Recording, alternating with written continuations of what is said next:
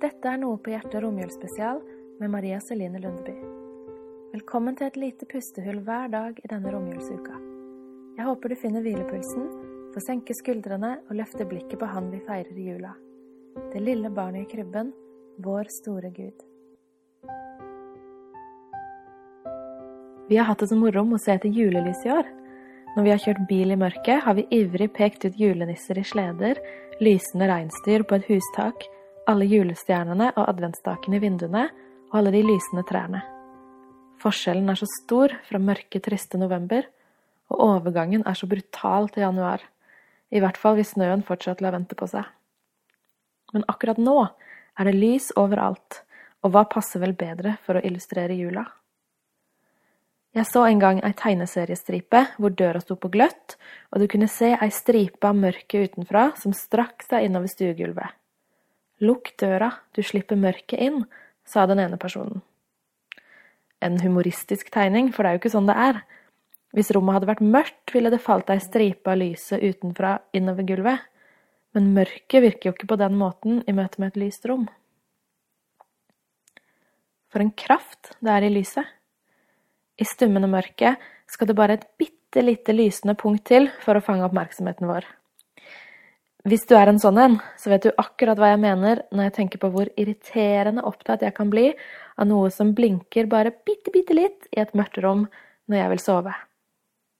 Hvis lyset faktisk er til stede, da er du klar over det. Og der lyset finnes, der drives mørket bort. Finnes det et mer beskrivende bilde av hvem Jesus er, og hva han vil være i våre liv? Han sier om seg selv at han er verdens lys. Verdens lys. Så mye som er gjemt i de to orda der. Bibelen er full av lys og mørke, og når Jesaja profeterer om Messias som skal komme, da sier han det folket som vandrer i mørket, ser et stort lys. Over dem som bor i dødsskyggens land, stråler lyset fram. Jesaja 9,2. Vi mennesker er folk som vandrer i mørket. Vi er ramma av døden fordi synden har makt over oss. Inn i vår virkelighet kommer Jesus, lyset, for å frelse oss, tenne en flamme av håp. Han gir livet vårt mening og retning, og i troa på Jesus får vi leve i lyset. Gud omtales som en fortærende ild, som en brennende tornebusk, som en ildsøyle over tabernakelet i ørkenen. Gud er strålende og farlig for oss, vi tåler ikke å nærme oss den hellige Gud.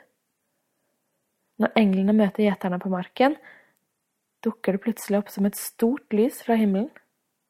Det står at Herrens herlighet lyste om dem, og gjeterne de blei livredde. De er på nattevakt i stummende mørke, og så dukker det plutselig en strålende engel opp. Jeg hadde blitt livredd, tror jeg. Frykt ikke, ikke vær redd, sier engelen. Det er en stor glede for hele folket de får høre om. For en enorm forskjell det lyset gjør. Så kan vi bli både litt skremt og skamfulle over tanken på at lyset skal skinne inn i alle kroker i våre liv. Og det er en sunn skam, for det er den hellige Gud vi møter. Men han kommer med nåde og lys, kjærlighet og omsorg. I Jesu navn er det trygt og godt, og helt nødvendig for oss å slippe Gud helt inn i våre innerste kroker. I full ærlighet og åpenhet, og med Hans flomlys over våre liv, blir vi satt fri til å leve i lyset, i friheten det gir. Sammen med Jesus verdens lys, den mektigste av alle.